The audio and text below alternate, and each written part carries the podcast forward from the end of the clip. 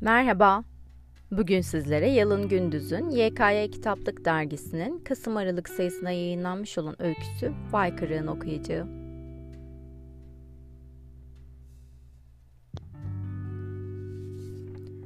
Beraber yiyeceğimiz son yemek bu mu olacak düşüncesini aklımdan çıkaramıyorum. Annem tabak çanağını ve mutfak eşyalarının çoğunu topladığı için bize kendi tabaklarımızı ve çatal bıçağımızı getirmemizi söylemişti. Bu yüzden çorbalarımızı içerken hepimizin elinde farklı bir kaşık var, kendi kaşığımız. Sadece annemle babamın kaşığı aynı. 30 yıllık çeyizinden birkaç parça dışında her şeyi kutulamış annem. İçinden ikişer tabak, bardak, çatal, kaşık, iki de bıçak ayırmış sadece. Babamla yiyeceği yemeği önceden hesaplayarak.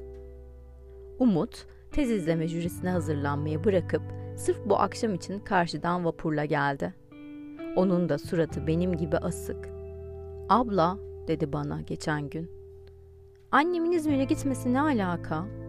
Burada kalsaydı da anneannem yanına gelseydi. Annemizin eşyalarını toplayıp taşınmaya hazırlanması Umut'u çok şaşırttı. İnsan gençken anne baba evinin ancak ikisinin ölümleriyle tasfiye edileceğini düşünüyor. Oysa Umutcuğumun irkilerek farkına vardığı gibi bu evin artık olmaması bizim de hayatın yağmurunda sığınacak bir deliğimizin kalmaması anlamına geliyor. O gün onun dörtgen çerçeveli mühendis gözlüğünün ardındaki bakışlarda üniversite yıllarımdaki masumiyetimi gördüm. O günlerde hayatımızda Ceren diye biri yoktu henüz. Yani babam daha onu işe almamıştı. Babamın sık sık uzayan mesaileri, ne lisedeki havai kardeşim Umut'u ne beni ilgilendiriyordu harıl harıl çalıştığım derslerim arasında. Annem, o gecelerde de çeyizlerini çıkarıp ovalayarak avunuyor muydu acaba? Oysa annemin bugün öğleden sonra apar topar son anda arayıp Umut'la ikimizi akşam yemeğine çağırması beni şaşırtmadı. Buzdolabımın buzları çözülüyor, dedi telefonda. Bozulmadan şu tavuğu kızartmam gerek. Sesinin titremesinden için için biliyordum ki babamın son kalan birkaç eşyasını almak için geleceği bu pazar akşamına büyük bir hazırlık yapacaktı anne. Ceren'in evine taşındığından beri ilk geliş olacaktı babamın. Telefonu kapatıp pencerenin başında bir dakika daha durdum. İçinde olduğum meseleyi kavramaya çalıştım. Gökyüzünde bulutlar açıkta kalan mavilikleri adım adım boğuyordu. Boynumu sıkan kazağımı elimle gevşettim. İçime derin bir hava çekip tuttum birkaç saniye. Nefesimi bıraktığım sırada gök gürledi. Yerken hepimiz önümüzdeki tabağa bakıyoruz. Saçağa vuran yağmur tıkırtısı annemle geçirdiğimiz yalnız gecelerin tığ sesini çağrıştırıyor.'' Babama bir şey örmeyi ne zaman kesti acaba annem diye geçiriyorum aklımdan. Saçma sapan düşüncelerle geviş getiriyorum. Babam Ceren'i bulduktan sonra mı örmeyi bıraktı? Yoksa o örmeyi bıraktıktan sonra mı Ceren'i buldu babam? Hem bitsin bir an önce bu işkence diyorum içimden hem de hiç bitmesin. Devam edelim böyle. Lanet örgülere düşünelim. Kimse yemek bitti demesin. Biz yuttukça boşalıyor oysa tabaklar. Yutmasın kimse. Sonsuz bir çiğnemeye devam etsin. Lokmaları da, Allah'ın cezası düşünceleri de çiğneye çiğneye öğütelim.